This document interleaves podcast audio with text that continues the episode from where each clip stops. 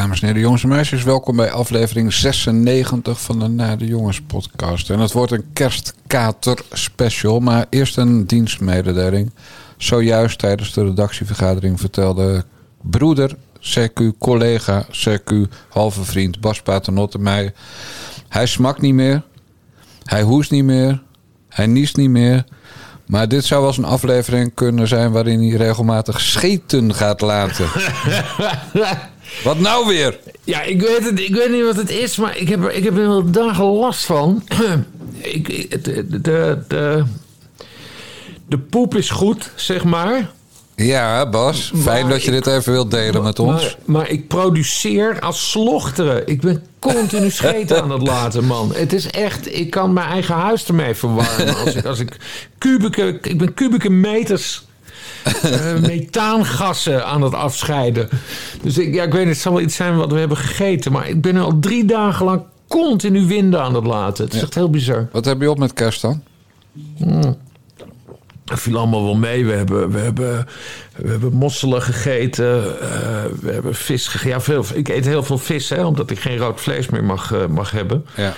Dus eh, alles, alles wat de zee te bieden heeft, eet ik. Maar ik denk dat het daar ook mee te maken heeft dat ik te veel vis heb gegeten of zo. Want dat lichaam van mij is natuurlijk rood vlees gewend. ja.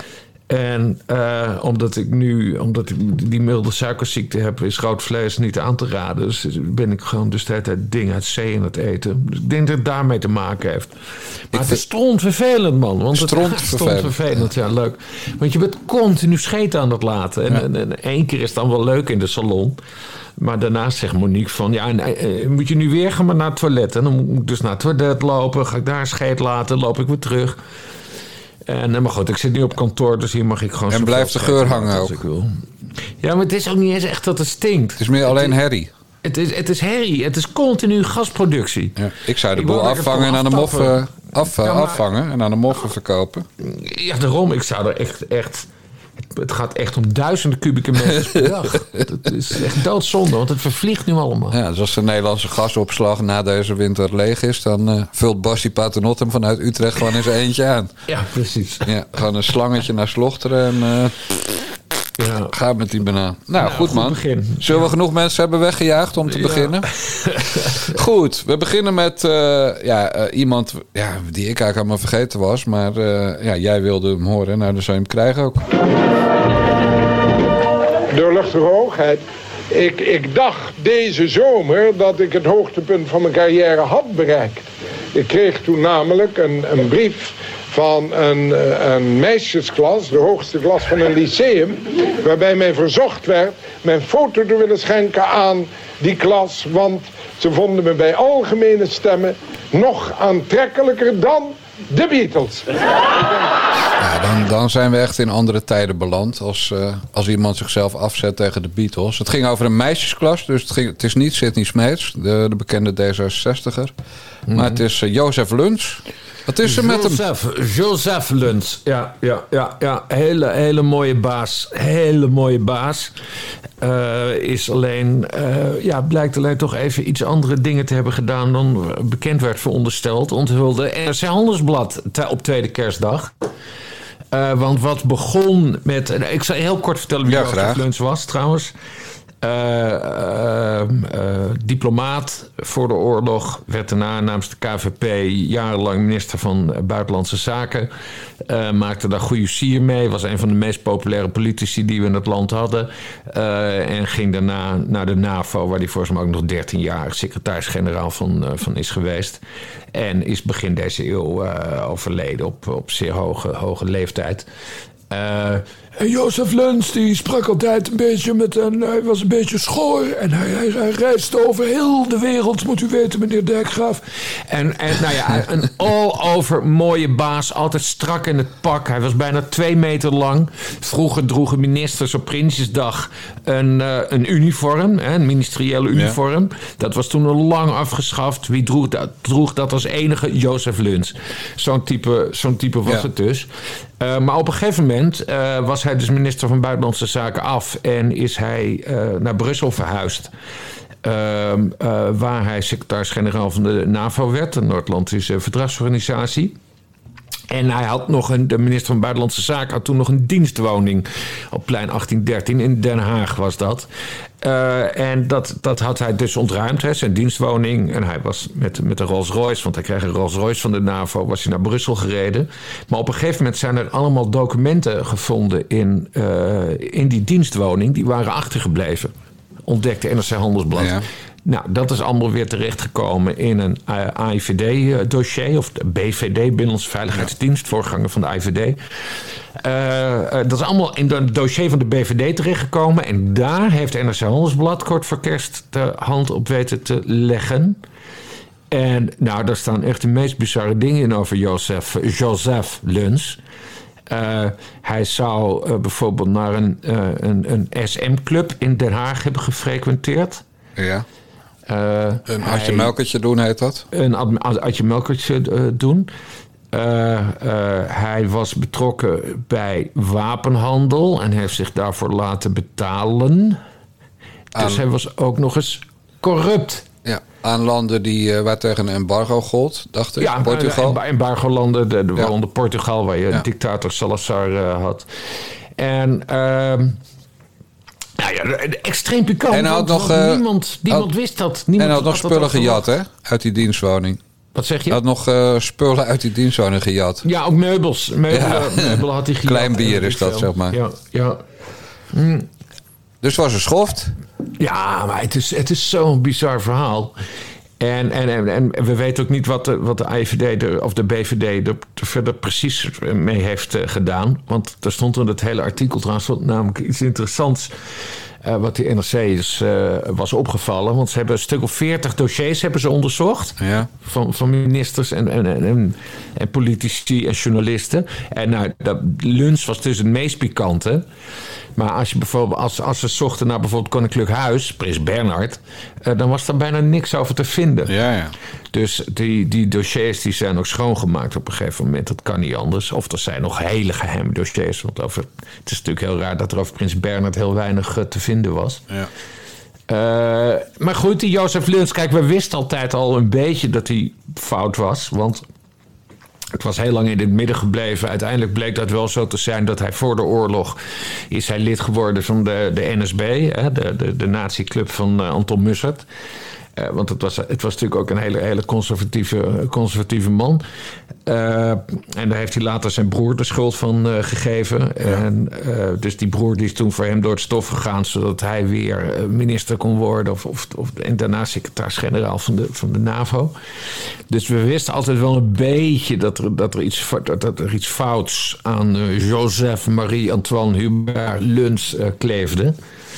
Uh, maar dat het zo fout was, dat is wel heel bijzonder. Ook al is natuurlijk niet alles gecheckt. Hè? Het is puur wat, wat de BVD heeft opgeschreven. Ja. En dus wat zij van seksmannen hebben. Uh, en de, de, de, vraag is dan of dat ook zo echt zo is. Er staat nog één pikant, pikant dingetje in, voor, wel voor het Koninklijk Huis. Er is namelijk ook een, een, een hoe noem je dat? Een astroloog, een, hoe heet dat? Een, een waarzegger. Ja. En die leeft nog. En die, die, hield, die hield praktijk in, in Den Haag. En die vertelt een NRC dat, dat er ook een oranje langskwam. En dat was namelijk Prins Klaus. Ach zo. Ja, ja, dus uh, dat is natuurlijk ook wel heel, heel, heel, heel, heel bizar. En wat is Prins, Prins Klaus toen gezegd? Weet je dat ook? Van uw vrouw nee, nee, gaat het gewoon, doen met... Gewoon, gewoon, dat, gewoon dat, dat Klaus bij, bij zo'n waarzegger langs uh, kwam. Dat maar, feit op dat, zich bedoel je? Nou, dat was op, op zich gebeurde dat best wel vaak. Uh, want het gebeurt nu ook nog. Want weet je nog dat... oh, hoe heet ze nou? Want ik heb dit... Ik herinner mij dat nu pas... Uh, begin deze eeuw. Ze maakt een beursgang. Nina Brinkstorms. Oh ja, ja. Die, die, had ook een waarzegger in, uh, in Den Haag. Nee, nee. Uh, niet Nina Brink. Die andere. VVD. Oud-eurocommissaris. Nelly Kroes. Nelly Kroes. Ja, ja. Die had een, een, een waarzegger. Dus dat, is, uh, dat, dat, dat gebeurde toen, maar dat gebeurt nu dus ook nog. Ja. Zeg maar dat die, dat die politici hoge politici dus... Een, een, Heb je trouwens al gehoord dat Nelly Kroes is overleden? Wat zeg jij? Heb je al gehoord dat Nelly Kroes is overleden? Uh, wanneer? Nee, je hebt het dus niet gehoord. Nee, dan zal Nee. het nog wel niet, want jij weet zulke dingen. Nee, nou, ik weet van niks. Nee, dan is het niet zo. Ik, bedoel, ik wil even checken of ze nog leeft. Omdat dat het ook een beetje in het kader van de dooien staat vandaag. Ja, nou nee, ze leeft nog. Ze leeft nog, ja. volgens mij. Ja. Ja, en daar zit inmiddels wel 83.000 kilo plamuur op. Heb ik begrepen. ja. Dus, eh, Maar wat, wat ook zo bizar was. eh, eh, want dat was dinsdag, vandaag dus, Ja. kwam dat naar buiten. Dat een oude vijand van Joseph Luns, Willem Oldmans, door de Amerikaanse inlichtingendiensten CIA en FBI in de gaten is eh, gehouden. oh? Hè, want je weet, Willem Oldmans, overleden in 2004. Eh, die was eh, al sinds de jaren 40, jaren 50 was hij, eh, was hij journalist. Bemoeide zich overal mee. en kreeg op een gegeven moment een enorme ruzie met het ministerie van Buitenlandse Zaken. Omdat hij zich, weet ik veel, met Indonesië bezig Ja. hield. En, en bevriend was met Sukarno. En Luns vond dat niks. En uiteindelijk heeft Willem Oldmans ik kende hem, ik ben bij hem thuis geweest, dus ik mocht Willem zeggen. Eh, heeft Willem Olmans daar een enorme schade, schadevergoeding voor gekregen. Iets van 8 miljoen gulden toen nog. Daar heeft hij toen een prachtig pand eh, aan het Singel in Amsterdam van, eh, van gekocht. Een soort, soort penthouse. waar hij zijn, jaren, eh, zijn laatste jaren toch nog leuk kon doorbrengen. Maar hij is dus ook in de gaten gehouden door de CIA en FBI, bleek vandaag. En dat vermoeden we altijd al een beetje, want waar heeft Oldmans zich ook mee bezig gehouden? Met de moord op John F. Kennedy. Oh. En dan komen we weer even op het punt van de waarzegger. Eh, op een gegeven moment had je in een, eh, een, een, een hele bekende astroloog eh, in, in Nederland... eh, die dan op zoek ging naar vermiste kinderen en weet ik veel. En daar is Oldmans toen een keer langs gegaan en die heeft gezegd... eh, zeg beste man, eh, kun jij mij niet wat vertellen over de moord op John F. Kennedy... en wie erachter zit? En toen is die meneer, weet ik veel, kaarten gaan leggen en weet ik veel. En toen kwam er een naam naar voren. De Moren, de Moren Shield. En nou, Willem Olmans op onderzoek uit. En eh, naar Amerika. En helemaal in dat dossier gedoken over de moord op John F. Kennedy. En zoals we weten is John F. Kennedy naar alle waarschijnlijkheid vermoord door eh, Lee Harvey Oswald. Ja. En wie zat in de vriendenkring van Lee Harvey Oswald? En eh, dat kwam later om dubieuze omstandigheden om het leven. Dat was baron de Morenschild. Ja, ja. Dat was gevallen eh, Oost-Europese adel die naar Amerika was verhuisd. En Willem Oldmans, door een astroloog in te huren, eh, had die, had die achternaam achterhaald. Grappig. En daarna is er een, in de jaren zeventig is er in de Amerikaanse Senaat een heel onderzoek nog geweest naar de moord op Kennedy. En toen hebben ze Oldmans hebben ze ook verhoord. Dus die is toen naar Washington DC afgereisd en daar is hij toen verhoord over die hele, hele, hele, hele kwestie. Dus Oldmans had zichzelf in de kijker gespeeld bij de Amerikanen. Ja. En nu blijkt, blijkt het dus dat de CIA en de FBI een heel dossier over hem hadden. En dat is toevallig is dat deze maand vrijgegeven door eh, de Amerikaanse overheid. Eh, allemaal in het kader van die eh, gegevens die er nog zijn over John F. Kennedy. Ieder jaar wordt er een heel klein beetje extra informatie wordt er dan los, eh, losgelaten, omdat hij dan verjaard is. En daar, dat, dat ontdekte de NOS, meen ik, vandaag. Ja. Dat eh Oldmans daar ook in werd genoemd. Dit moet een mooi, mooi weekend voor jou zijn geweest, zeg. Zo bij Ja, elkaar. het, het, het is kostelijk. Ik ben gek op zulke soort... Ja, want beste mensen, u moet weten dat, dat vroeger in Drachten, eind jaren 70, een klein dik proppie eh, lag te trappelen van geluk als op de, de radio. Ik weet niet hoe dat toen heette nog hoor, radio. Nou, gewoon radio denk ik, Radio 1. Hmm. Ja, als dan dit soort dingen in het Polygoonjournaal werden verteld... dan werd de kleine Basje helemaal vrolijk. Dan stopte Ja, hij met huilen, dan hoefde hij niet aan de tiet. Nee, dan was het gewoon, eh, yes, allemaal info die ik later in de Na de Jongens podcast nummer 96... op 27 december 2022 nog even kwijt kan aan die dijkgraaf. Ja, ja, ja, ja. Gaaf, man. Ja, maar dat is, kijk, maar sowieso, ik was dus gek op Oldmans. Want het, was echt een virulente homoseksueel. Ja, net als jij. Hij was, ik ben helemaal niet homoseksueel. Oh. Hij was buitenge, buitengewoon grappig. Maar hij had ook belachelijk veel meegemaakt. En hij heeft echt de hele fucking wereld heeft hij, heeft hij ontmoet.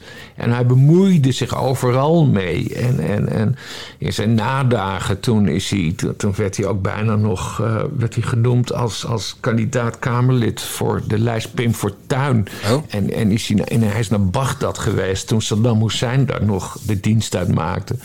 Dus uh, ja, Oldmans hield ook van het, van het rellen. Maar ik vond hem vooral mega sympathiek. En uh, hij heeft me wel een keer bij de airs gegrepen. Dat was heel bizar. Letterlijk? Maar, ja, letterlijk. Nee. Toen, waren we, toen, waren we, op een borrel in, in Amsterdam uh. ergens. En, en, en toen stelde hij zich bij mij bijna voor als, uh, als, zijn, als, zijn, als zijn jonge vriend. En toen, toen greep hij me bij de ass en duwde het me naar voren om het te laten zien, zo'n beetje. Jezus, dus Bas. dat was, ja, bizar hè? Maar, uh, oh, ja, maar er hangt een foto van mij en hem hierop. Ik heb hem wel eens op Twitter gezet. Dat ik hem. Uh, dat, dat ik hem bij de pakt. Nee, oh. dat, ik hem, dat ik hem interview uh, in, uh, in dat huis aan het single wat hij dus kocht van die schadevergoeding. ik kijk er nu naar. Het is trouwens wel grappig. Het is een, ro een, een, rode bank en een witte bank. En daartussenin stond een, een blauwe lamp. Dus rood-wit-blauw. Ja. En op die foto, uh, dat interview, dat was trouwens, dat was voor jou, dat was voor Net Generation. Oh, ja, verdomd. Hebben we ook nog gemaakt, ja. Hebben we ook nog gemaakt. En, uh, maar we hebben overduidelijk ruzie op die foto. Want we, hij kijkt heel boos naar mij. Ja, je wilde natuurlijk niet dat hij aan je dikke witte S zat. Nee, Snap nee, ik ook wel. Daarom. Maar daarna ik, heb altijd nog contact met hem gehouden daarna. Dus dat, dat, dat een hele bijzondere vent. Nee, superleuk. Maar even nog, uh, in het kader van uh, het is 2022. Hè, dit is wel het jaar waarin uh, zeg maar grensoverschrijdend gedrag keihard wordt afgestraft. Mm. Als hij nog had geleefd, die Oldmans. Dan neem ik aan dat jij nou nu een scoop van je welstad gehad met uh, Oldmans zat uh, met zijn vieze handjes aan uh, jonge Nederlandse jongens. Nou ja, jong, je was dertiger.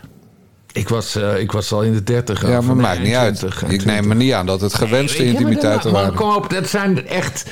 Ik ben toch geen millennial, alsof ik me daaraan zou storen. Het is toch geestig? Ik bedoel, het is niet dat geestig. ik me heb aangerand of zo. Nou, dat is aanranding.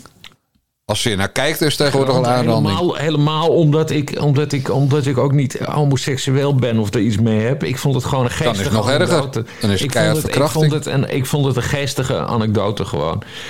Ja, ik ook. Als mij bij de S pakte. En Zijn er dat, nog meer bekende mensen die jou bij de S hebben gepakt dan? Nee, niet dat ik weet. Oh, je moet... ik heb ook, ik, zoveel homo's ken ik Ja, maar hij was moet- virulent homoseksueel. Hij Ja, continu zoveel- grappen aan het maken erover. Zoveel ken ik er niet, zegt hij dan. Maar je moet trouwens, eh, dat gaan we niet aan de luisteraars vertellen, maar als je Bob Dijkgraaf een keer spreekt, moet je hem eens vragen over mensen die ongewenst naar zijn eh, dikke witte behind hebben gezeten. Die heeft een ge- geweldige anekdote, maar omdat de betreffende persoon die dat bij hem gedaan heeft nog leeft, Ja. kan ik hem helaas niet vertellen. En als die Oh. persoon dood is, ga ik hem ook niet meer vertellen. Maar gewoon voor jullie samen. Bedoel, Bob die is onze trouwste luisteraar, dat weet je. Want die zit Ja. ons altijd op foutjes te betrappen. Maar die heeft een geweldige anekdote over iemand die hem een keer aan zijn eh, witte behind zat. Eh, een bekend iemand. een? Bekend iemand. Nee, nee, nee, nee, nee. nee, nee. Oh. nee. Nou, voor, voor hem wel. En, eh, ik, ik denk dat hij nog wel schillend wakker wordt uit een, uit een slechte droom. En dat hij aan die persoon denkt. Oh, het was wel een vrouw. Dat wel. zal, oh, het was een vrouw. Dat wel, ja. ja. Oh, maar door vrouwen ben ik vaak genoeg aangerand. Nou, vertel. eh,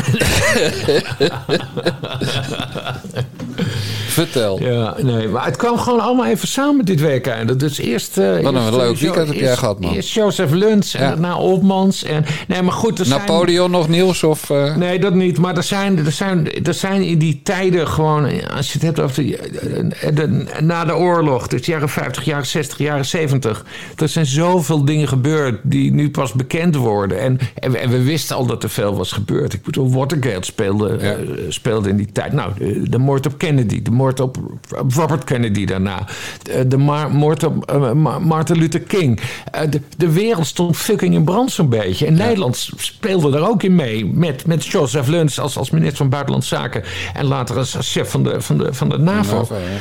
En Oldmans die dan aan de andere kant, dus als journalist, daar, daar ja, en ook een beetje lobbyist af en toe. En hij, hij, hij hey, je bent weg. daar dan ook weer doorheen liep. En, en, en ja, nee, het, is, het is fascinerende, fascinerende materie. Ja, en dan blijkt nu dus jaren na de dood van Luns... eh, dat hij dus een, eh, een SM-bordeel bezocht. En, eh, En meubeltjes, ja, wat, hoe klein is dat? Dat je dan ook de meubeltjes gaat stelen. Weet je wie dat ook deed? Nee. Eh, de, doen, de, de Oranjes. Toen Soestdijk Ja. werd ontruimd, waren er opeens allemaal tafeltjes en stoeltjes verdwenen. Het is allemaal zo klein. Waarom zou je dat doen? Omdat ze nooit genoeg hebben. Dat is het Ja, gewoon. omdat ze gewoon hartstikke gek zijn. En Ja. een deel van die meubels, dus die uit, uit die di- dienstwoning of ambtswoning, eh, daar aan plein 1813, die zijn uiteindelijk, zei de zoon van Luns, voor wie het natuurlijk ook allemaal niet heel erg leuk is, eh, dat dit opeens in eh, de net, net de NRC staat. Die meubels zijn uiteindelijk wel teruggegeven. Ja, ik begreep dat, goed, dan dat er ook door... nog steeds het verhaal van corruptie en buitenlandse rekeningen Ja. en eh, weet ik veel. Maar ik begreep dat over die meubels. Want dat soort details vind ik eigenlijk veel leuker. Omdat ik de grote Mm. lijn toch nooit snap. Hè? Dat weet je. Ik ben van de details. Mm. Maar die meubels waren eerst gejat. En toen hebben ze er later eh, hebben ze ervan gemaakt. eh, eh, in bruikleen genomen of zo. Ja, Van, zonder, eh, zonder het te melden in bruikleen genomen. Dus Ja, dan kon hij ze veilig ja. teruggeven.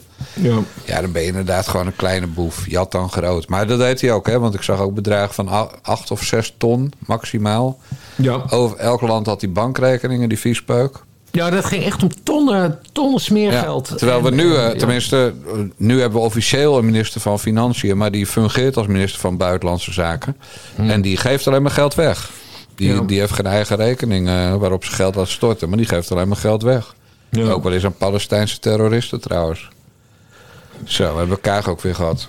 Ja. hey, we, gaan, eh, we moeten toch even terug naar eerste kerstdag. Het hoogtepunt van die dag. En dat was eh, de man met de handjes. De, de nervus koningus. Het is hoog tijd om de verbinding te versterken. Want wat zou de Randstad zijn zonder de regio? En de regio zonder de Randstad? We hebben elkaar brood nodig. Laten we proberen, waar we ook wonen, om te ontsnappen aan vooroordelen. Laten we ervoor zorgen dat we elkaar niet verliezen. Gun elkaar tenminste het voordeel van de twijfel. Mijn oproep aan ieder van u en ieder van jullie is: haak aan. aan. Luister, Luister mee. mee. Denk mee. Denk mee. Doe mee. Doe mee. Bas. wij, wij hier in de provincie hebben de Randstad voor helemaal niks. Maar dan ook helemaal niks nodig. Wat lult die gast? Ja, ik vond, het, ik, vond, ik vond het wel opmerkelijk hoor. Want hij, hij probeerde ehm, op zich als, als koning ervan uitgaande dat het je taak is dat je ook een beetje moet verbinden. Eh, hij stak er wel een hand uit, of hij refereerde daar aan de hele discussie met, met de boeren. Ja, eh, wat, wat Johan Remkes eh, ook al zei na aanleiding van zijn, zijn onderzoek... en dat hij met alle, alle betrokkenen bij het stikstofdossier heeft gesproken... van de Randstad kijkt wel erg vaak neer op, eh, op de buitengebieden. En nou ja, eh, jij woont in Friesland. Ik ben geboren en getogen in Friesland. Ik weet precies hoe de Randstad over Friesland denkt. Hè? Allemaal smerige, arrogante Hollanders. Ik weet precies hoe het zit. Dus ik vond het op zich wel goed dat de, dat de koning, net zoals Johan Remkes... dat toch eventjes heeft gezegd. Van eh, eh, die, die relatie tussen platteland en stad, die is belangrijk. En die moet je koesteren. Maar dat viel mij op hoor. Maar, Maar goed, tegen wie zegt hij dan haak aan? Zegt hij dat tegen die klootzak in de Randstad... of zegt hij dat tegen de boeren in de buitengebieden? Ja, nee, tegen de dat- boeren in de buitengebieden. Dat- nee, dat, dat is dus het slimme van, van, van, van hoe, dat, hoe dat allemaal wordt geformuleerd. Je kan de een kan het uitleggen van ja, dat zegt hij tegen de boeren. Maar de ander die kan het uitleggen. Nee, dat zegt hij tegen, tegen, tegen de, de randstedelingen. En tegen want die zijn arrogant. bewoners. Precies. Nee, dus die, die, wen- die gaan echt niet aanhaken bij ons. krijgen ze vieze handjes.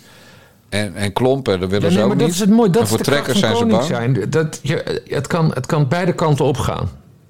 En, en ik kies ervoor nu te zeggen dat de moedige vorst aan, aan, aan mijn kant staat. Aan de, aan de kant van de hardwerkende boer. Denk mee, doe mee, luister mee. Ja, maar goed, het is, aan. het, het is natuurlijk ook allemaal gelul. Kom op die gaswand daar in een enorm paleis. Ook met vol met gestolen meubeltjes. Dus Ja. dat, eh, En dan gaan we het even over dat aanhaken van hem hebben. Want dat hebben ze, gisteren, hebben ze meteen uitgezocht. Ik geloof tweede kerstdag. Van Mhm. al zijn bezoeken in het land afgelopen jaar. 64% en nog wat in de Randstad. ja, ik Ja. weet niet. Was dat SBS? Iemand, Ik iemand, geloof het wel. Dus dan zeg ik tegen die, tegen die bollen met die, met die trillende handjes... haak aan, lul. Ja, Doe ja. mee. Denk Maar, mee. eh, Luister maar, mee. Zie je, dat komt er dus van. Want eh, dan kwam je dus met dat, met dat verhaaltje van eh, Randstad Platteland. En, maar dan heb je, ja, het was, het was die Koninklijk Huisverslaggever van SBS 6 volgens mij. Die, die, ja, die heeft gewoon die hele agenda voor zich liggen. En die loopt er even heel snel doorheen. Ja, en dan sta je toch mooi voor lul, eh, koning Willem. Dat bedoel ik. En, die, en die, de eh, golddigger van hem, die was, was, was ook niet vaak eh, eh, in op het platteland. Maar ook niet in de Randstad, want die zat vooral bij VN-dingetjes. Ja, New microkredieten en, en microkredieten, digitaal geld ja. en al die shit. Ja. Heb je hun kerstkaart gezien? Ja, Ze hebben dus, ze hebben, ze hebben dus huisdieren. ja een hond. Ze, ze- ze hebben twee prachtige. eh, eh, hoe heet het nou? Van die, van die retrievers of zo, van die zwarte, zwarte dieren. Honden. Eh, maar ze hebben dus ook een van de kuthondje. Mambo En die stond erop, hè? Ja, maar heb je gezien hoe smerig beest, man? Ja. Gewoon dat niet eens gewassen. Allemaal vieze pootjes. En, dan, en, en, en, en, de, en, en koningin Maxima die dat hondje dan vasthoudt... alsof ze in een, in een woonwagen. Het deed me heel erg aan, met alle respect voor woonwagenmensen en zo. Maar die hebben zulke soort hondjes. Frans Bauer heeft zo'n hondje. Ja. Het waren net de Bauers. Maar weet Vind je, wat, het- eh? weet je wat gewoon is? Het moet allemaal niet te veel tijd kosten, het volk. Dus, hé hey Max, foto! Ja. La- die kuthond, kijk maar welke er zin heeft. Nou, dan Ja. komt die achterlijke mambo dus. Nou, die kinderen die, die zijn wel een beetje opgedoft. Die Willem die ziet er natuurlijk nooit uit. Maar het is gewoon even snel, net als die kersttoespraak. Hè, eerste kerstdag 1 uur, ja, lik me reet. Donderdag opgenomen. Met een autocue, met zo'n scherm. Gewoon met, Ja. met alles. Niet eens kijken hoe de achtergrond eruit ziet.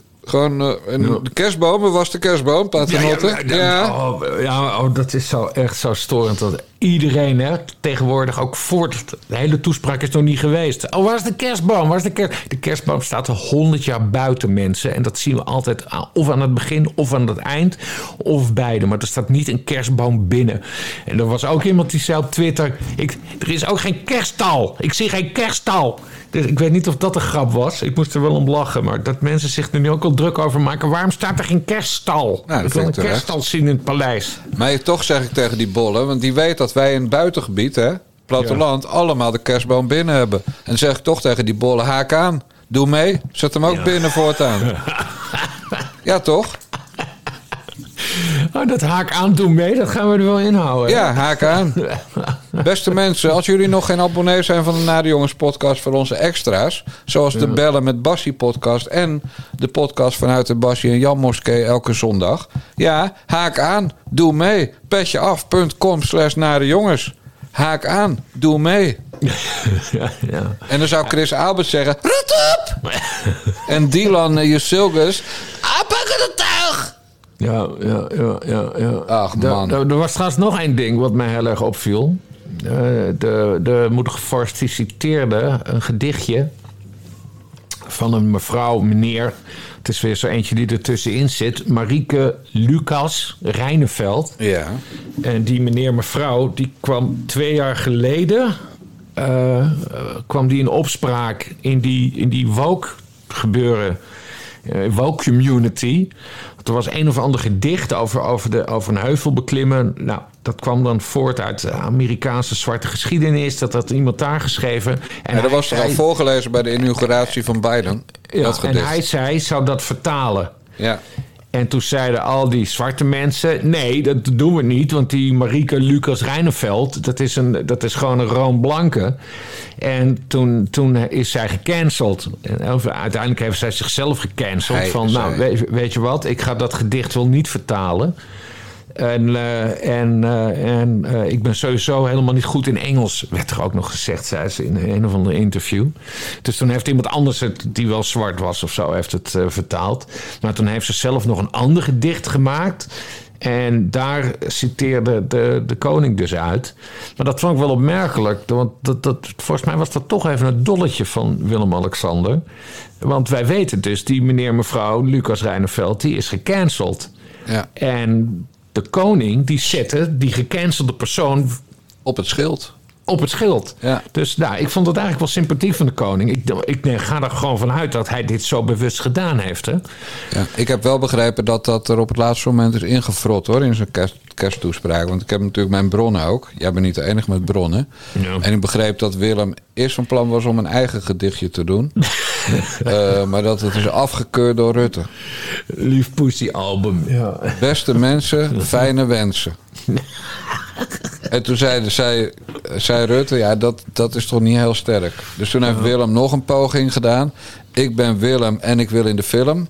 En toen zei Rutte, nou pak dan maar wat van die Marie Lucas, Marieke Lucas Rijneveld.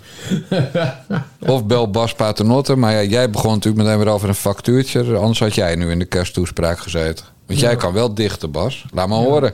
Ja, HK doe mee. Ja. Ja, nou, laat maar horen. Ik, ik kan helemaal niet dichten. Ja, nou, Willem ook niet. Maar ja, het was bijna, bijna... Heb je gekeken naar die kersttoespraak of kijk je zoiets terug? Kijk je dan live? Nee, ik kijk het, ik kijk het live. En eh, daarna speel ik het meermaals terug om het te analyseren. En eh, dan schrijf ik er een doorwrocht eh, artikel over. Nou, dan zeg je het ging over geld. Dat mensen hebben geldproblemen. Het ging over klimaat, want men, de wereld heeft een klimaatprobleem.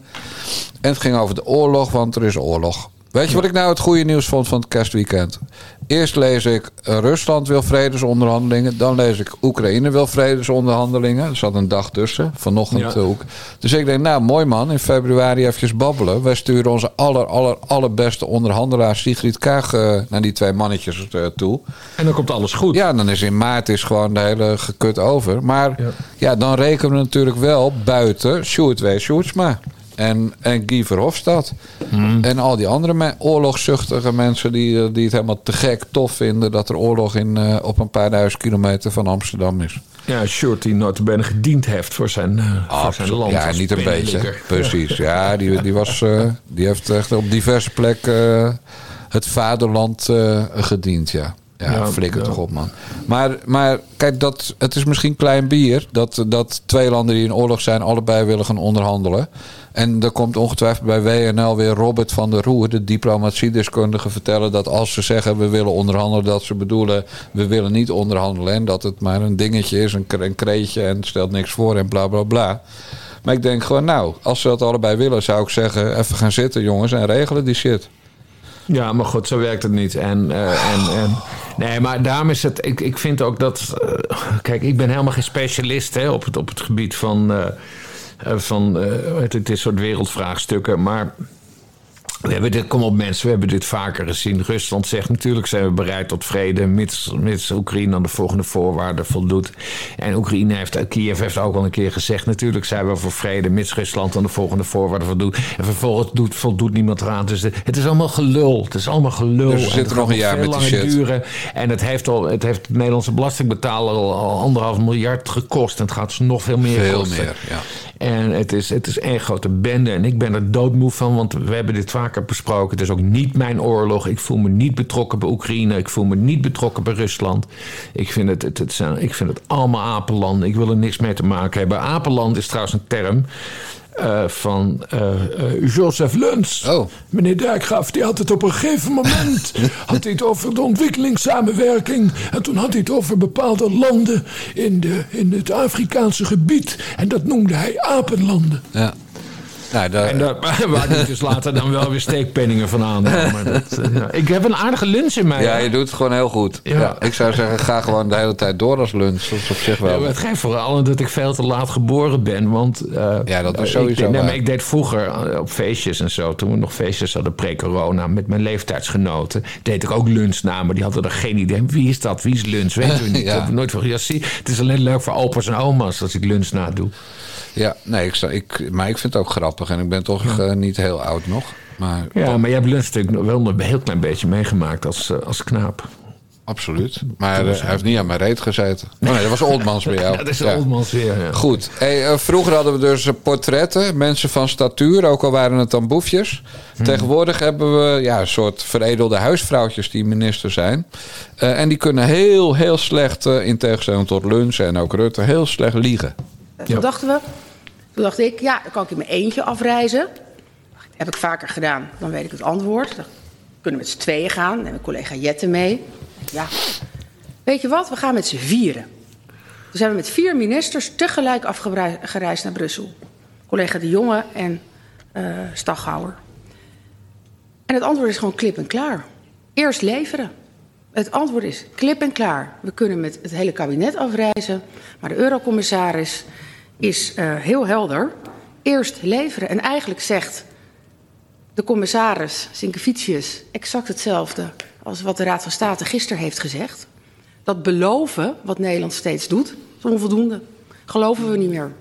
U moet het laten zien. En ga eerst maar eens aan de slag met stikstofreductie. Ga eerst maar eens aan de slag met natuurherstel. En dan praten we verder. Dit fragment zou in de tijd van uh, zeg maar, dat politici nog een heel klein beetje fatsoen in hun donder hebben. tot het einde leiden van het ministerschap van Christiane van der Wal van de VVD. En waarom? Omdat ze drie leugens vertelt in dit stukje. De eerste leugen is. Staghouwer, minister van Landbouw, was er niet bij. En wel minister van Infrastructuur, Harbers. Dus er was geen minister, belangrijk. Er waren, was een minister bij van VVD, D66 en CDA, maar niet van de ChristenUnie. Niet die van Landbouw. Ze, ze deed alsof is gesproken over natuurherstel en dat dat een voorwaarde was bij de eurocommissaris om wat ruimte te krijgen in al die stikstofregeltjes. Het woord natuurherstel is volgens het gespreksverslag van de, Europe van de eurocommissaris niet gevallen. Welke woorden wel? Uh, wegen, woningbouw en uh, transport. Mhm. Dus dat betekent dat de minister voor. Oh ja, en, en uh, windmolens en zonne, zonneparken. Dus de minister die die klimaattransitie doorheen wil jassen en daarvoor ruimte nodig heeft voor vergunningen, Rob Jetter zat erbij. De minister die, uh, die wil dat er woningen worden gebouwd, uh, Hugo de Jonge zat erbij. En de minister die heel erg lobbyt voor Schiphol en Lelystad. Lelystad waarvoor eerder Van de Wal als gedeputeerde van Gelderland heeft gelobbyd, drie jaar geleden. Ja. Uh, die Harbers, die zat er ook bij. Dus de enige... Nou, en, en de suggestie die ze wekt is dat... en wat in Nederland gebeurt is dat de boeren... al die stikstofruimte moeten leveren. Daarvan zegt de eurocommissaris... nou, dat hoeft helemaal niet... want je kan wat flexibel met die richtlijn omgaan. Uh, maar Staghouwer had er natuurlijk bij moeten zitten... om te zeggen, ho, ho, ho mensen... jullie kunnen wel hier over infrastructuur en woningbouw... en, en van die windmolens hebben... Maar ik wil graag eerst de boeren, zoals de pasmelders, die mensen die illegaal boeren terwijl de overheid zei: ga maar je gang. Ja. Uh, die wil ik eerst aan vergunningen helpen. Nou, de leugen was natuurlijk: uh, Staghouwer zit erbij in plaats van Harbus van Schiphol en Lelystad. Ja. Uh, dat was een leugen. De leugen was ook de inhoud. en de leugen was dat er geen ruimte was. Terwijl die eurocommissaris, en dat is allemaal volgens het verslag wat overal te vinden is. Uh, die eurocommissaris zegt, ja, er is wel degelijk ruimte. Nou, Caroline van der Plas van BBB, met wie ik inmiddels weer op zeer goede voet ben. Want je weet, ik ben een mild mens en altijd tot vergeving bereid. Ja. Die zat bij de Nieuwsbv. En die vertelde dit verhaal daar. En donderdag of vrijdag, maakt niet uit, maar waarschijnlijk vrijdag. Toen iedereen ja. al in de Tweede Kamer op vakantie was. Kort voor de kerst. Exact. Ja. Nou, de Nieuwsbv-interviewers uh, pikten het helemaal niet op. Die, die gingen alleen maar haar aanvallen op, uh, op haar BBB-gedoe. Ja. Geen enkel medium pikt het op. En waarom niet? Vrijdagmiddag voor kerst. Uh, dan zijn de zaterdagkranten ongeveer al gedrukt. En, en de NOS-journaal en al die andere shit is al gemaakt. Dus de journalisten gaan net als de Tweede Kamer... twee weken allemaal met vakantie. Ja. Nou, uh, ik pik het natuurlijk wel op, want deze jongen slaapt net als jij nooit. Hè? Wij werken altijd door, de ja. nare jongens. En vandaag, dus ik schreef twee dagen geleden een briefje. En van het gebeurt er vandaag. Christiane van der Wal stuurt een tweetje uit. Dus ze zit ongetwijfeld weer op Curaçao met haar uh, dikke witte behind. Ja. In de familiewoning van de, van de Van de Walletjes, die ook bekend zijn van Picnic. Uh, en dat is die, uh, die nep-supermarkt die met al die karretjes door de stad rijdt. En ze stuurt een tweet. Abusievelijk heb ja. ik twee ministers verwisseld. Namelijk Harbers en Staghouwer. Maar Staghouwer kwam regelmatig in ander verband wel in Brussel. Ja. Nou, niet abusievelijk, want daarom heb ik dit fragment laten horen. Doelbewust. een beetje stoere praat over... ik ging niet alleen, ik ging niet met z'n tweeën... we gingen met z'n vieren. Ja. Uh, nee, maar, ze heeft dus gelogen. Ze heeft inhoudelijk drie gelogen. Keer. En, drie keer. En, ja, maar ze heeft dus ja. inhoudelijk gelogen. Maar ook over wie er meeging. Maar ook wie er mee, over wie er meeging. En dat heeft ze allemaal live gedaan in de Tweede Kamer. In exact. de Nationale Vergaderzaal. Ja. En uh, ze valt ongelooflijk door de mand. En de enige die daar, ons daarop moet wijzen... dat is Caroline van der Plas. Absoluut. Die, die het op Nationale Radio vertelt... waar het dus niet wordt opgepikt. Nog steeds niet. Uiteindelijk is ze zelf maar gaan tweeten. Want die tweets heb ik gezien. Ja. Want ik, ik had het op de radio had ik ook gemist. Want ik weet niet meer waar ik mee bezig was. Maar niemand luistert radio heen. Nee, maar er, was vrijdag ook iets anders. Oh ja, bleek dat, dat, dat de boekhouding van Bijeen en Volt helemaal mis was. Oh ja. Dat, dat hebben we, we, we- we over gehad vorige week. Dus daar was ik mee bezig. Vandaar dat ik het had gemist. Maar dat kwam ook op zo'n vrijdag naar buiten. Eh, hè, dat, dat, dat, dat iedereen op vakantie was. Maar goed, eh, hulde aan Caroline van der Plas. Jij hebt er nog eh, vervolgens een schop achteraan gegeven met een briefje. Eh, vertel daar, hoeven ze natuurlijk niks mee te doen. Maar Nee, oké, maar goed. Dus, dus de enige die er wat mee hebben gedaan... dat zijn Caroline van der Plas en Jantje Dijkgraaf. Zo legt en, dat. En de, en de twee hadden tot voor kort hadden ze zelfs nog ruzie. en nu nou, denkt de minister, Christiane van der Wal van de VVD... eh, die denkt dat ze nu met een tweetje op, op derde kerstdag... zeg ik eh, grappend erbij, want het is gewoon wel een werkdag vandaag. Er waren ook kranten, zag ik. Dus... eh, en denkt ze zich nu met een tweetje ervan af te maken. Maar dat kan helemaal niet, want ik begreep dat Van der Plas zelfs al Kamervragen had gesteld. ja, dat klopt. En zo'n tweetje is hartstikke leuk, mevrouw Van der Wal. Maar als de Kamer eh, u, eh, uw Kamervragen stelt schriftelijk... dan verwachten zij een briefje terug. Dus ze komt er niet mee weg met dit tweetje. Wat zullen we nou krijgen? Ik vind het wel goed op zich hoor, dat ze, dat, dat ze een tweetje verstuurt. Ze had ook helemaal de mond kunnen houden. Maar dit roept natuurlijk nog veel meer vragen op. Nee, maar Want, ho, ho, want- ho, ho. want- Nee, nee, luister. Want wat, wat vroeg ik mij meteen af toen ik die tweet vanmiddag eh, zojuist zag. Hè, want hij is nog maar twee jaar Ja. geleden eh, verstuurd. eh, heeft ze wel vaker gelogen over haar contacten met andere ministers. En in het bijzonder Staghouwer. Omdat zij samen met Staghouwer op dat stikstofdossier intensief moet samenwerken. Ja, moest, ja, want er, die is er vervangen. zit, in- er zit potentiële shit. Er zit nog veel meer troep. Nou ja, wat natuurlijk, achter. wat natuurlijk het mooie is, Bas, zij heeft dat in de Kamer verteld. Mhm. en, en de andere betrokkenen, inclusief die staghouwer die inmiddels is vervangen door Pietje Adema, die hebben allemaal hun smoel gehouden. Mhm. Ja. Dus die vonden het allemaal wel prima dat zij gewoon keihard stond te liegen over de rug van de boeren. Ja. En, en, en daarom denk ik, kijk, dit komt nu 8, als het al ter sprake komt in de Tweede Kamer, is dat op 8 februari tijdens een commissiedebat over het stikstofdossier. Dus ik heb Caroline van der Plas gezegd: jij moet gewoon dit filmpje van, eh, van eh, ja, eh, het filmpje laten afspelen dan in jouw spreektijd. Ja. Waar- en, dan, en dan daarna de tune van Pinocchio, de speelfilm. Ja. Ja. Want dit is gewoon een ordinaire leugenaar. die door de andere betrokkenen hierbij, inclusief de ChristenUnie-mensen. dus eerst Staghouwer en, en later En Adema. Adema, ja, ja. maar ook door de fractie van de ChristenUnie. dus door die Gert-Jan Farisegers. Ja. eh, wordt haar eh, de hand boven het hoofd gehouden. En omdat Ja. dat een mevrouw van, van een of andere agrarische nieuwssite, een agrarische journalist, Caroline van der Plas, erop heeft gewezen. eh, daarom is het nu opeens toch een dingetje geworden. ja. Wat natuurlijk helemaal wegveet, omdat iedereen nu twee weken op vakantie is in de Tweede Kamer. En, en dan nog een week thuis uitbuiken van die vakantie. En dan, dan is het pas eh, half januari. En dan duurt het nog drie weken voor het is besproken. En dan komt natuurlijk die brief, antwoorden op die brief. Kamervraag komt net voor 8 februari. Misschien wel die ochtend. Je kan het allemaal wel weer uittekenen dat het niks wordt. Maar wanneer wordt iemand nog wel weggestuurd? Of trekt iemand zelf de conclusie met... ik ben een gore, smerige leugenaar. Ik ben betrapt, want ik lieg niet zo goed als Mark Rutte. Ik moet opzouten. Ik ben dit ambt niet waardig. Wanneer? En wie? Nou ja, maar daarom is het zo fijn dat, dat Van der Plas dus die Kamervragen heeft gesteld. Want, want die zullen nu eerst beantwoord moeten worden. En daar, daar, gaan we, daar gaan we allemaal naar kijken. En verder staat het Van der Plas trouwens na het reces vrij... om, om, om, om haar en Adema, de hele bende, desnoods naar de Kamer Ja, te dat houdt de coalitie toch tegen. Eh, ja, nee, oké, maar goed. Het, eh, het staat er vrij om dat te doen. eh, om, dat, om dat dan bij een vragenuur te doen. Ik vind dat heel slim van jou. dat zij gewoon even dat hele fragment kan ze laten zien dan in het vragenuur. En laten horen. Want het is natuurlijk een fantastisch beeld. Maar, dat Nou, maar in het vraaguur komt het niet, Bas. Wat zeg In jij? het vraaguur komt het niet, want Vera Bergkamp, die ook onderdeel uitmaakt van de coalitie, zal dan zeggen: ja, maar hier zijn al Kamervragen over gesteld. Ja, Dus ja. wij wachten even de antwoorden op de Kamervragen af voor een. eh, dus Ja. het vraaguur heeft ze verspeeld door Kamervragen in te dienen, Ja. denk ik. Ja, maar goed, anders had ze geen Kamervraag eh, gestuurd en dan hadden ze weer bij het vragenuur kunnen. Eh, eh, eh, had- hadden ze het gewoon kunnen negeren. Ja, klopt. Dus, dus, dus daarom zei ik in eerste instantie gelijk al van het, heel goed dat ze die Kamervraag Ja, heeft klopt. gesteld. Ik vind het gewoon het beeld leuk wat jij schetst, wat jij hebt bedacht. Dat ze gewoon het fragment in de Kamer laat horen. Want dat is Ja. natuurlijk. En dan Pinocchio, hè, daarna meteen. En, ja, en daarna minister, minister Pinocchio dat zijn er dan twee. Hè? Want Rutte noemen we ook altijd op Pinocchio. Opper-Pinocchio is dat. En, oh, dat is de opper-Pinocchio. En dan Ik, heb, eh, eh, ik spreek inmiddels over dat er een Pinocchio Academy bestaat.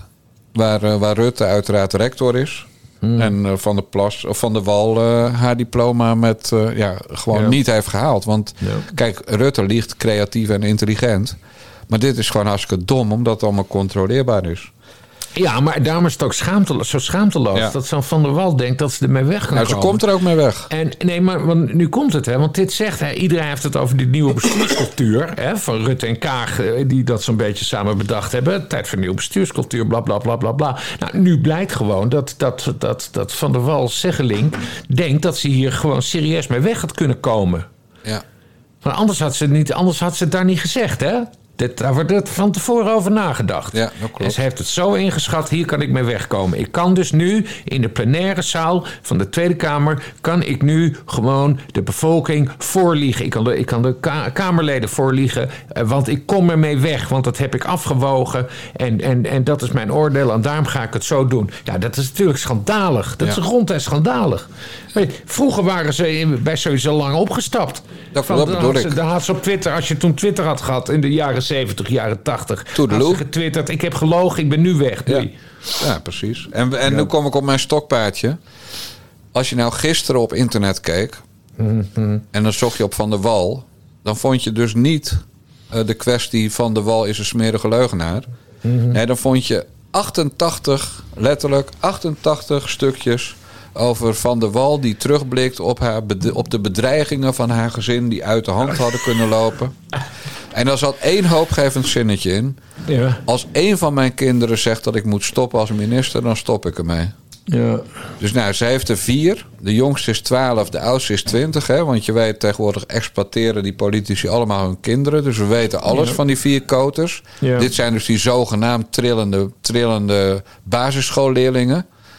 Hè? Weet je nog? Toen die boeren Ja, nee, daar ik weet stonden. het nog. Ja. Eh, maar goed, als een van die kinderen dus zegt... mama, stop ermee, dan wordt ze weer huisvrouw.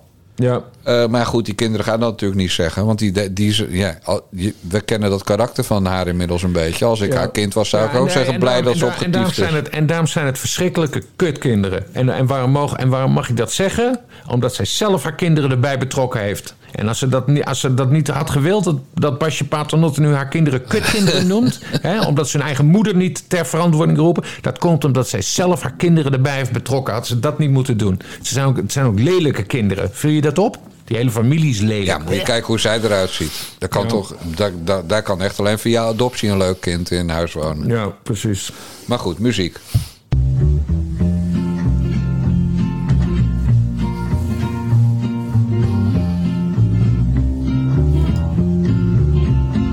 Er liepen twee verslaafden zomaar over straat. De een vroeg aan de ander, zeg weet jij misschien hoe laat? Hoe laat komt hier de bus? Hoe laat komt hier de bus? Hoe laat komt hier de bus? Toen zei die ander dus. Busje komt zo, busje komt zo, busje komt zo, busje komt zo, busje komt zo, busje komt zo, busje komt zo, busje komt zo. Busje komt zo, busje komt zo, busje komt zo, busje komt zo. Eventjes geduld nog, want het busje komt zo. Wij staan op deze treurige derde kerstdag. Waarop overigens mijn oma chef jarig was toen hij nog leefde.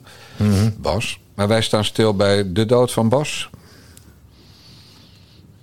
Ja, ik, heb- Ja. ik, ja, dat liedje zegt me vaag iets, maar, Busje komt zo. ja, maar was dit een hele grote hit? Een hele grote hit. In, in, in jouw tijd dan? Want, Ja, maar jij lag toen ook eh, in de wieg al te, te keren om eh, Willem Oltmans en eh, Jozef Luns hoor. ja. Bas van der Toren. Een van de mensen achter Hulleboer of zoiets heette het. Een duo dat eh, dit belachelijke eh, hitje heeft geproduceerd. Maar wel een belachelijk hitje met eeuwigheidswaarde. Maar die heeft het, het tijdelijke voor het eeuwige verruild. Ja. En dat eh, omdat het tussen kerst en oud en nieuw is. Deze Na de Jongens podcast nummer 96. Ja, moeten we toch even stilstaan bij de dode Bas. ja. Welke heeft op jou de meeste indruk gemaakt? Ja,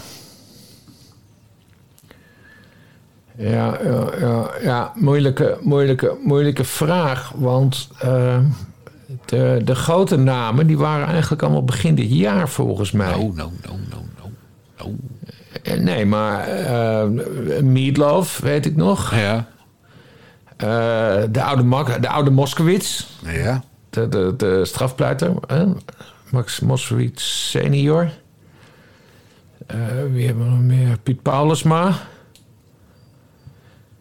Eh, ja, dat zijn wel de grote namen die me direct te boor. Dat, ja, dat was allemaal erg in januari. Heel veel muzikanten trouwens, bedenk ik me nu. Henny Vrienden, Jan Rot, Ja. ook allemaal dood. Ja, je bent- je bent goed op weg qua grote namen. Maar je vergeet er een paar. En waarvan de allergrootste, waarvan ik ook zeker weet dat die jou het langst aan de buis heeft gekluisterd eh, dit jaar. Laten kluisteren. Willebord natuurlijk. Nee, natuurlijk niet. Willebord verkennen, die is dood. Ja, dat wel, maar dat is niet degene die jou dit jaar het langst aan de buis heeft laten kluisteren. Vanwege zijn of haar dood. Bas, we hebben de mooiste tv-pro, het mooiste tv-programma, het meest indrukwekkende tv-dag van het jaar. Hebben we te danken aan een dode. En daar heb jij van genoten hoor, want we hebben het besproken. Kort geleden. Het is weer zo'n hele fucking prijsvraag, Dirk. Her Majesty. De, Oh, de Queen. Ja. natuurlijk. Ja, de koningin Elisabeth. ja. Oh man, ja. Dat was toch de, de meest indrukwekkende dode van dit jaar. Ja, ja. en- Oh, god, wat heb ik daarvan genoten. Ja, niet dat ze dood was. Nee, maar de, de verslaggeving. Ja, omdat dat het zo gerekt werd. Echt iedere, iedere dag live ging de BBC van 's morgens vroeg tot 's avonds laat live. Ook al gebeurde er niks. En op een gegeven moment, zij lag dan eh, op Balmoral. Daar was ze overleden. Dus op haar kasteel in, eh, in Schotland. En toen ging ze de hele familie, die moest uit Londen worden overgevlogen. Nou, en dat werd allemaal gefilmd. Dat ze instapte en, en, en dat zag je ze wegvliegen. Nou, er werd er vier uur lang geluld. Ja. En dan landde het vliegtuig en dan zagen we dat live. En dan werd er weer de hele dag gelul. Het was heerlijk. Ik heb er echt van genoten. En uiteindelijk die prachtige begrafenis zelf. En eh, ja, nee, nee. Ja, dat was eh, zo'n zo'n christelijke, of zo'n christelijke, zo'n eh, zo'n koninklijke begrafenis. Dat is toch wel altijd het mooiste hoor. Ja, ze- zeker zoals ze het daar doen. Maar ik bedoel, ik heb helemaal niks met welk koningshuis dan ook. Maar zelfs ik heb de hele dag voor de, de- de- alleen maar de dag van de begrafenis. Ja. Maar ik, ik heb ook de hele dag voor de buis gezeten. Ja, maar ik heb dus dagenlang voor de buis Ja, nee, gezeten. dat bedoel hoor. ik. Ik heb alles En- van, van vroeg tot 's avonds laat eh, gekeken. En dan ben jij in staat om, om, om eh Willebrood Frequen eh, de meest indrukwekkende te noemen. Ja, maar de- dat was omdat, het, omdat we het over tv hadden. Ja, dat is ook zo. Over tv gesproken, gisteren is John Leddy overleden. Ja, Koos Dobbelsteen. Koos Dobbelsteen, dat zeggen ze. Ja, precies. Dat zag je dus wel vroeger. Eh, ja, nee, ja, zeker. En eh, ik, ik zocht het zo, want ik vroeg me af hoe het met dokter Hans Landsberg. Hans Cornelissen. Hans, nee, eh, Oh, ja, dat, was de man. ja. Manfred de Graaf. Ja, die is ook al lang dood, toch? Die is al lang dood, wist Ja. ik niet. Wist ik niet. Ik dacht, ik, dacht, ik dacht dat die nog leefde, dat John Leddy al lang dood was. Maar John Leddy, die, eh, die, heeft, die, is, die is 92 geworden. Ja, maar is dokter van de ploeg, die is ook al dood, toch? Ja, zij kreeg borstkanker op een gegeven moment. Ja. Zij, zij is tot, tot een paar dagen voor dood heeft ze nog op het toneel gestaan. Dat was heel bijzonder. Ja. Sjoukje Hoijmaier. Exact. Ja, nee, Hans Cornelissen was inderdaad die, eh, die, die nicht, die, eh, de vriend van de dochter, klopt dat? Ja, die lekkere Kiki Klasse. Dat ja, ja, die leeft nog wel, maar die is een beetje aan het zweven, als ik het goed heb Ja. En begrepen. Kiki Klasse die kreeg daarna een relatie met, met die andere dokter, die zwarte dokter. En toen ben ik denk ik afgehaakt, want ja, je weet hoe dat werkt in het platteland. Ja. Kiki Klasse was echt een lek. Die heeft nog in de Playboy gestaan volgens mij. Ja, nou, moet je het nou weer ordinair maken? Wie ons ook is ontvallen uit de Tweede Kamer, ex-Tweede Kamerlid, kort geleden uit de Kamer vertrokken. Bij de vorige verkiezingen. Leonie Sazias, Ach ja. goed Kamerlid en volksvertegenwoordiger. Hè, zoals Omtzigt en Van der Plas dat zijn. ja, darmkanker. Ze had het één keer bijna overwonnen en uiteindelijk heeft het toch... Ja. En welke op mij, maar dat komt dat ik eh, eh, een tiener was toen, eh, toen ze heel groot was. Op mij ook heel veel indruk heeft gemaakt was Olivia Newton-John. Oh ja. Ja, vond ik ook wel een dingetje. En in de Jezus. politiek nog een van men- de mensen met die jij ongetwijfeld ook hebt geïnterviewd. één of meerdere keren, Bram Peper. Nee, die heb ik dus nog nooit... Ja, die heb ik, die heb ik wel, wel aan de telefoon gehad, maar die heb ik nooit live ontmoet. Jezus, Bram Peper ook al, ja, verdomd. Ja, er zijn eh, best wel veel. Maar verder hebben we ongeveer hetzelfde lijstje samengesteld. Behalve dat jij dan je naamgenoot Bas van de Toren eh, helemaal niet op je netvlies had. Ja, niet te verwarren met Bas van Toor. Nee, die, blijft, die, is, eh, die gaat volgend jaar waarschijnlijk. Ja, ja die, is, die niet is zo goed. Daar gaat het ook niet goed mee. Die heeft ook van alles en nog wat. Maar die van Toortjes trouwens, want eh, Adriaan, die, die, die acrobaat... eh, die kreeg op een gegeven moment een mondkanker of Ja. zo. Maar die, die leeft ook gewoon nog Ja. steeds. Dus op, op, op zich blijven ze... oh, er valt iets op de grond hier. Is dat ze- Monique? Die van Toortjes, die zijn op zich wel... Die hebben wel goed DNA hoor. Die, die overleven dat wel. Moet je toch eens even een recente foto kijken hoe goed het DNA is. Ik bedoel, oud worden is ook niet alles. Nee, Je moet nee. wel een beetje gezond oud worden. Maar goed, de hamvraag natuurlijk. Want het is allemaal wel leuk dat mensen doodgaan. Maar wie is er helaas nog wel onder ons? In jouw ogen. Ja, dan zouden we mensen moeten doodwensen. Dat is, dat is natuurlijk nooit Niet goed. stijlvol. Dus dat, dan stop ik ook na Sjoerd Sjoerdsma. dat is toch ook weer schandalig. Nee, als we het wel zou, als ik echt een naam moest noemen, bedoel ik. Wie, wie, wie eh, wel een einde aan een, hun politiek leven eh, zou toewensen. eh, daar, want daar, daar, daar, moest ik, daar moest ik afgelopen kerstdagen toch even over, over, over denken. In- Op een reflectief moment. Maar wie ik echt een voortijdig einde aan haar politiek leven toewens, dat is toch wel Sigrid Kaag. Want ze, ze- ik kan me niet voorstellen dat die vrouw nu nog lol heeft in, in dat werk wat ze doet. Nee, die vindt het vreselijk. Maar Die gaat, die gaat volgens mij, die, die, die hoopt gewoon dat het zo snel mogelijk voorbij is. Maar ze moet nog drie jaar deze rit uitzitten. Ik kan me niet voorstellen dat zij ook. Dat, dit, dat moet de meest ongelukkige minister in het kabinet zijn op dit moment. Sigrid Kaag. een van de 28 interviews die ik met haar gehoord of gelezen heb. Want de campagne is weer begonnen bij de Nederlandse media. Het grote op het schild hijsen van de coalitiepartijen.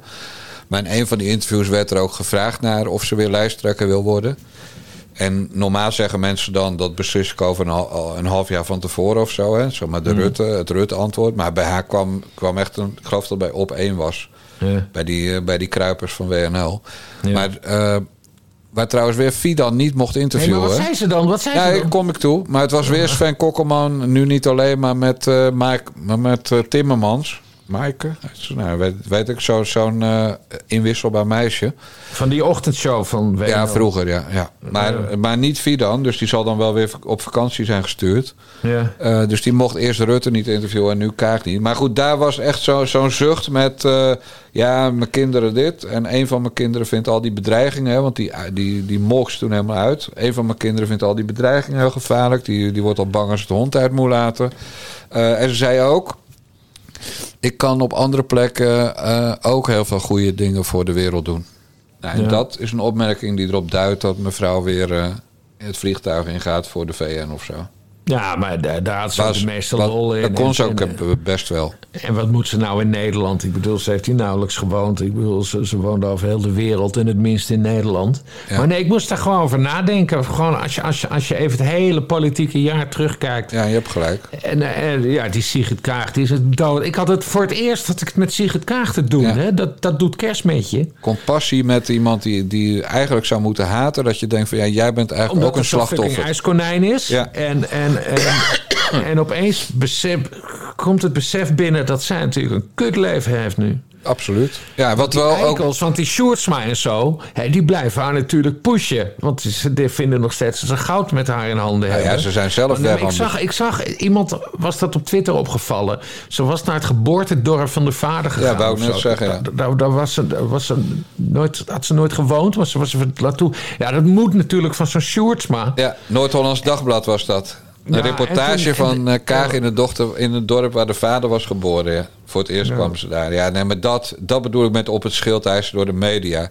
Ja. Als iedereen nou een invalshoekje gaat verzinnen... hoe kunnen we Kaag dienen tot 15 maart? Flikker nou toch een end op, kutmedia.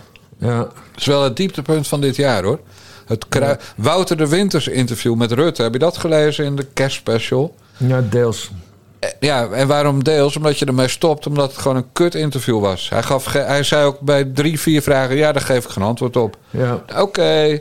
En, dan, en dan een kop waarin, waarin eh, Waar, waar Rutte gewoon goed uitkomt. Wijs ons dan aan waar wij een D66-programma uitvoeren.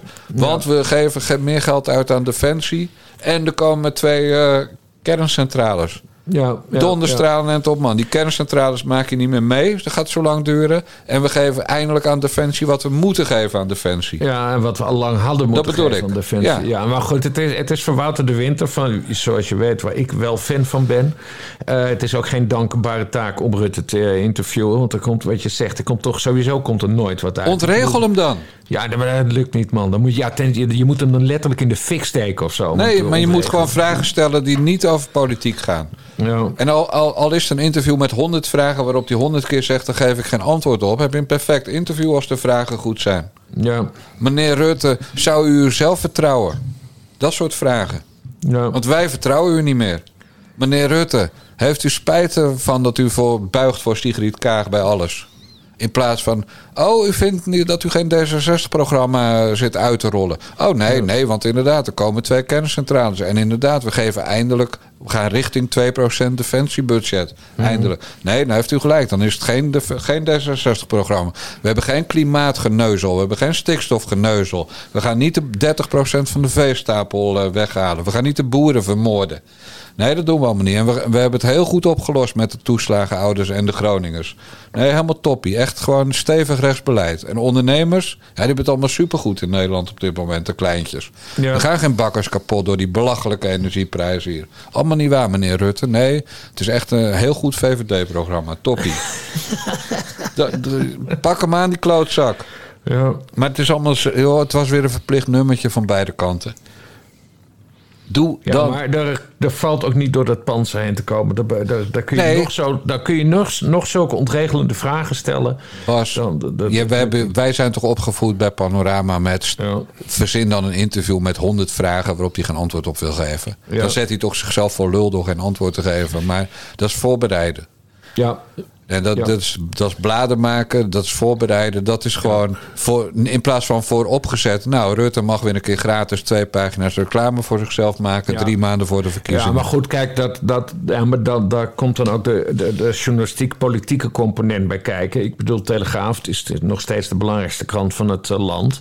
Eh, is natuurlijk ook afhankelijk van de minister-president. Wil je ook niet al te veel ruzie mee maken. Hè, Telegraaf is niet te benauwd om dat te doen. Hè. Weet je nog, jaren terug eh, met Marx Rutte.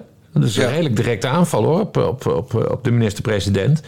En toen was Wouter de Winter, toen was hij zelfs nog, eh, nog chef Haagse redactie. Dus nee, kijk, de, de telegraaf die Rutte aanvalt, dat is, een, dat is een heel effectief wapen, maar waar je heel voorzichtig mee om moet gaan, omdat het anders de slagkracht eh, eh, mist. En uiteindelijk zegt de premier dan van, nou weet je wat, ik ga, ik ga ook gewoon nooit meer in de telegraaf staan. Nou, dan ben je helemaal klaar.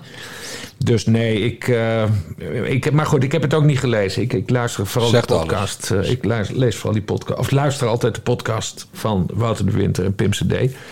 En die vind ik leuk. En dan ook nog zo'n interview lezen. Nou, dat weet ik ook niet. Heb je gezien wie eh, po- eh, politicus van het jaar is geworden? Ik snapte Wolf? er geen reet van. Waarom Koerhuis? Koerhuis? Ja, Was het een grap van je, of niet? Ja, natuurlijk. Oh, omdat, toch? eh, Je ja. hebt geen politicus van het jaar. Dat was de grap. Ja, nou ja, dat, dat komt erop neer dat, als, als, dat Koerhuis nu het beste is wat het land te bieden heeft. Omdat hij in een KLM-trui eh, gaat staan. eh. Hij is on message, hij is vrolijk. Dat is, dat is, hij, hij voldoet aan alles waar een politicus aan moet voldoen. Echt, dat jij zelfs de dubbele laag er niet... Het is, Nou ja, ik dacht van hij loopt de dollar. Maar ik, ik vond niet zo'n goede grap dan. In NRC, zo'n Bas Heijnen, die ook Bas heet... die, die schrijft dan een heel doorverrocht essay over...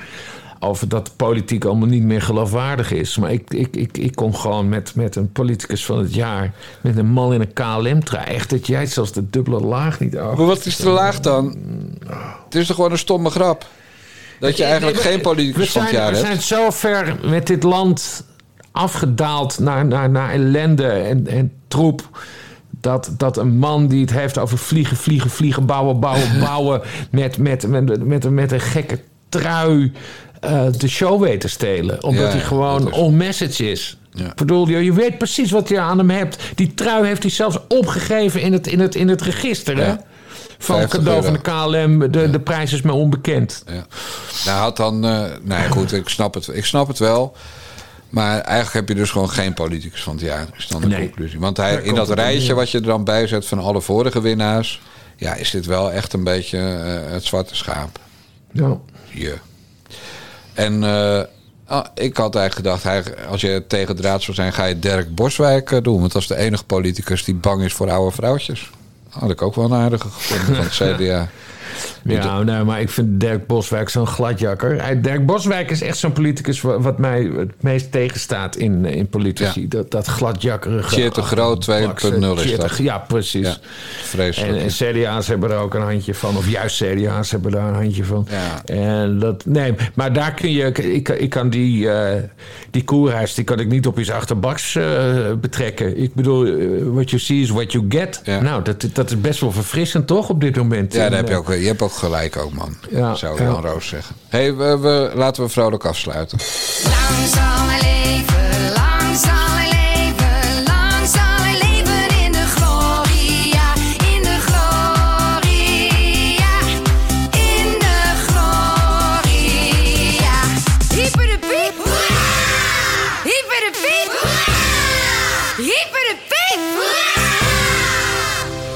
we hebben nou wel de dooien besproken. Maar vandaag is gewoon de verjaardag van een politiek talent.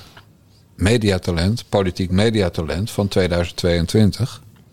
De 72-jarige Jack van Gelder. Heb je Jack al gefeliciteerd? Ik dacht dat eh, Gordon vandaag jarig was, maar... Nee.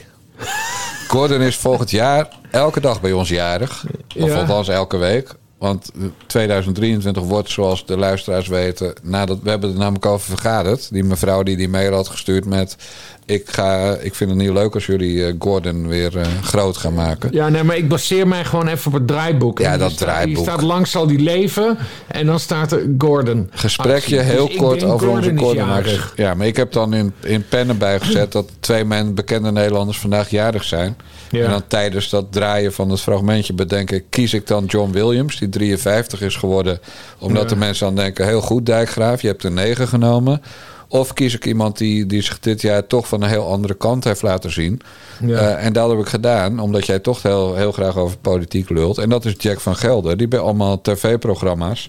ja, een beetje de, de politieke analist zit uit te hangen.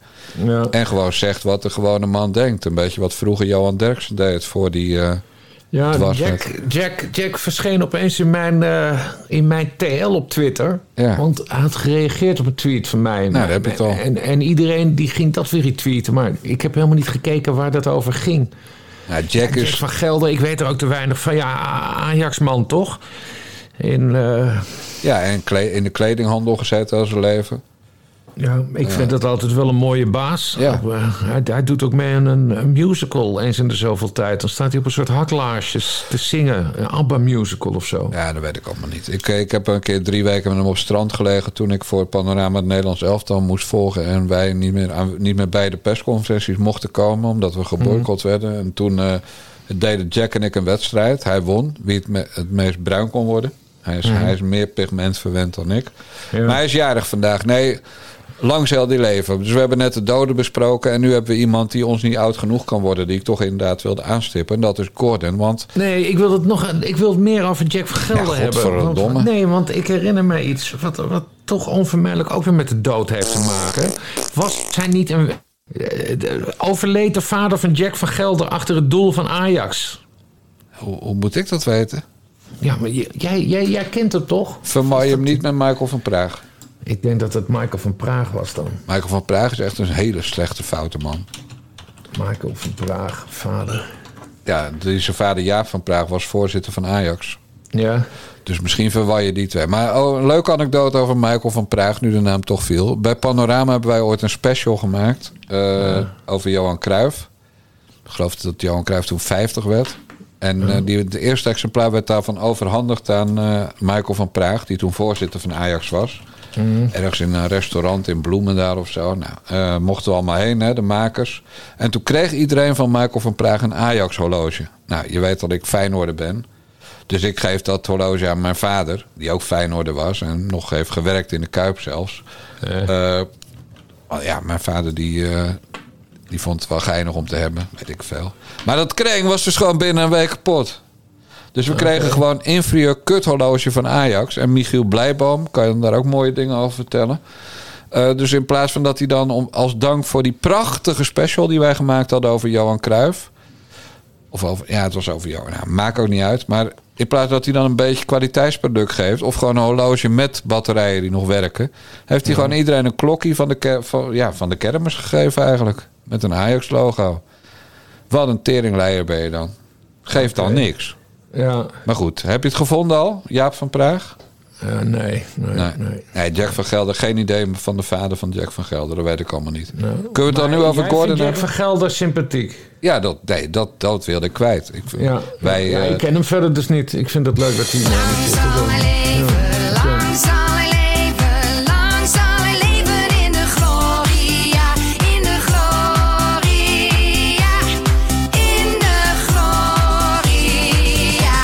Ja, dat bedoel ik.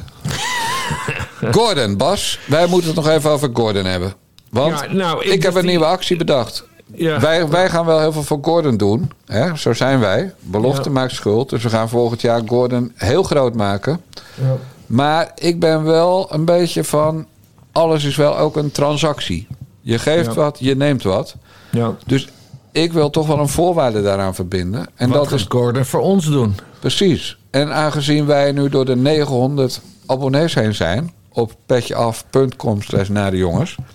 en we bij 1000 abonnees eh, een meet and greet met jou hebben in Eestega... en de alpaca's van de dijkgraafjes... dacht ik van ja, dan kunnen wij tegen Gordon zeggen... hey, grote vriend, wij gaan jou wel groot maken...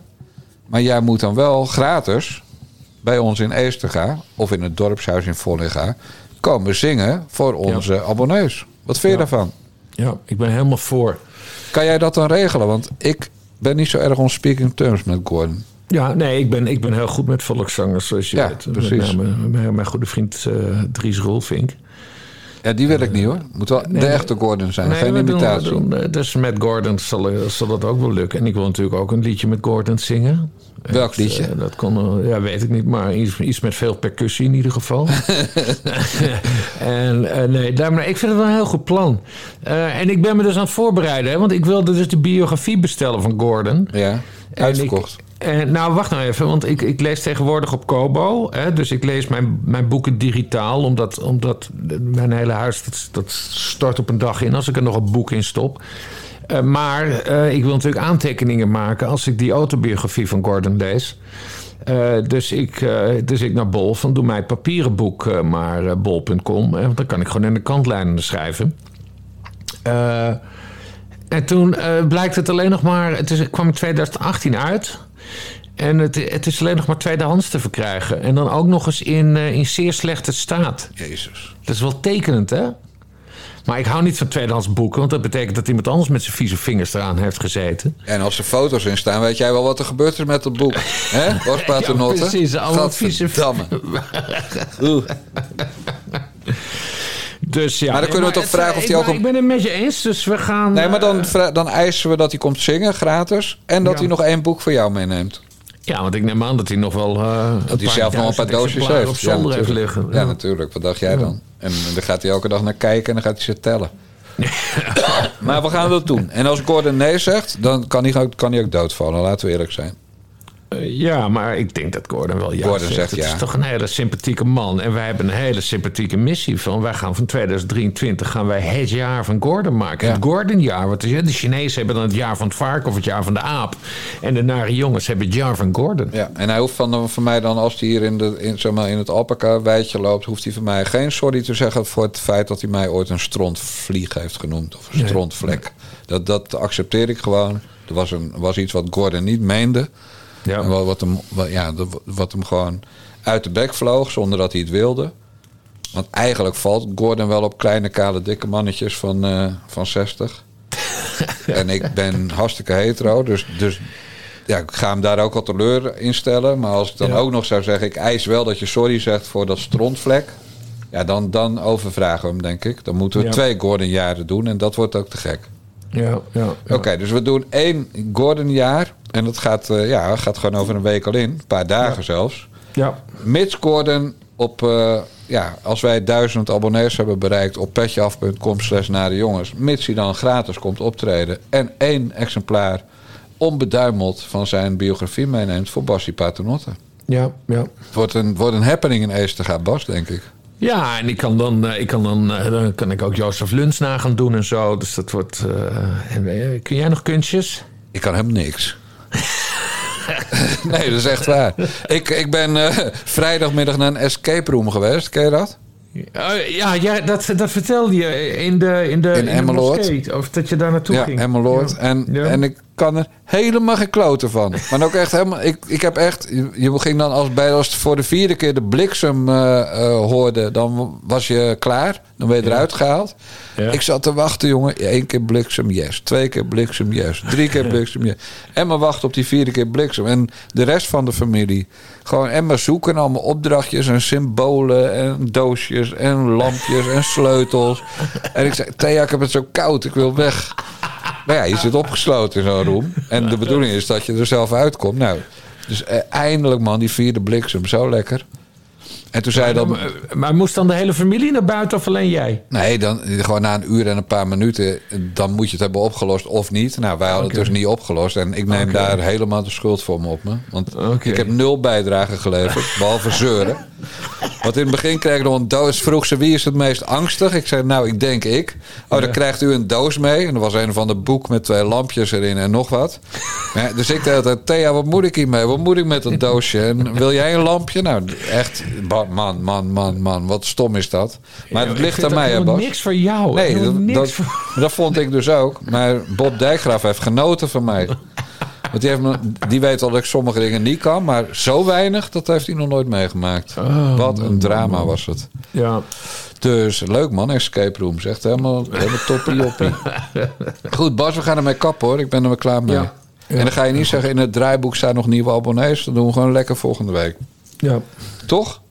Dat Eh, goed? oh, nou, nou, nog even een stukje administratie. Oh, Eh, krijg je nog geld? Nee, nee, ik kreeg, ik kreeg ook een mail. Eh, eh, d- er was een eh, meneer, dan wel mevrouw Luca.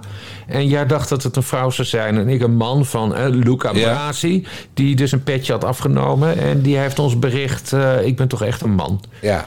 Ja. Nou, dus fijn. Bas Paternot had eh, gelijk. ja. Nou, de nieuwe abonnees... Paternot had gelijk, zou Jozef Lut zeggen. Dat, ja. De nieuwe abonnees noem ik ook niet op omdat er maar één vrouw bij zat. Dat, ha dat Ja. haalt het percentage nog verder naar beneden. Dat was weer Hengste bal de afgelopen week. Hey, en dan moeten we dit reces, moeten we ook nog... eh, Volgens mij hebben we namelijk een bellen met, bellen met Bassie overgeslagen. Ja, dat is heel slecht van ons. Dus ga je Ja. de komende week gewoon twee keer bellen. Dus we gaan twee keer bellen deze Absoluut. week. Ja, want wij, wij zijn... Kijk, voor al dat geld wat die mensen in ons stoppen... 4 euro per maand of 40 euro per jaar... willen wij wel leveren. Willen we wel gewoon 104 keer... een bellen met Basje... of ja, een bellen met Basje... en de Basje en Jan Moskee extra Ja. doen voor de abonnees. Ja. Tenzij natuurlijk een van ons weer... zoals jij dat noemt, in retraite is een paar weken. Dat is overmacht. Maar, maar wij gaan niet eh, verzaken... omdat het kerst of oud en nieuw Nee, is. dus, dat, dus we gaan dat rechtzetten. Dus er komen twee bellen met komen Ja, en voor, voor nieuwjaarsnacht heb ik al een briljant idee. Dat zal, ik je buiten deze uitzending wel eh, vertellen. Oké, Dus eh, het zoge- een zogenaamde Jantje van Leijen aflevering wordt dat. Oké. Daar ben ik gek op namelijk. hey, hoe vind je mijn broer Kees? Want ik doe geen briefje van Jan deze week. Ik heb, eh, mijn broer Kees neemt weer waar. Die, die link, link, link Michel, maar dan links Michel. De link, meest linkse slijmen bij. Sidney Smeets. Dat, dat zag ik volgens mij voorbij komen. Ja, hij zat te Ja. slijmen bij Sidney Smee. Ja, dan jeuken mijn handen, Bas. Dan denk ik, oh, ik moet zelf weer vroeg opstaan. Dat kan echt Ja. niet. Maar goed, Sidney Smee. Ja, slijmen, slijmen, slijmen. Ja, die sukkel noemde wel net. Jouw illustere broer Kees. ja, Dat is, eh, Kees Dijkgraaf. Wat een lul is dat, zeg. Godskeleer. hey Bas, ik ga je weer spreken. Beste mensen, dit was de 96e aflevering van de Nare Jongens podcast van Nive Radio. Wil je ook de Bellen met Bassie podcast en de Ecumenische Kerkdienst uit de Bassie en Jan Moskee ontvangen? Of denk je gewoon, die jongens moeten ook vreten en de kachel laten branden? Abonneer je dan via petjeaf.com slash Nare Jongens. Tot volgende week en de mazzel. Haak aan, doe mee. Doei, doei.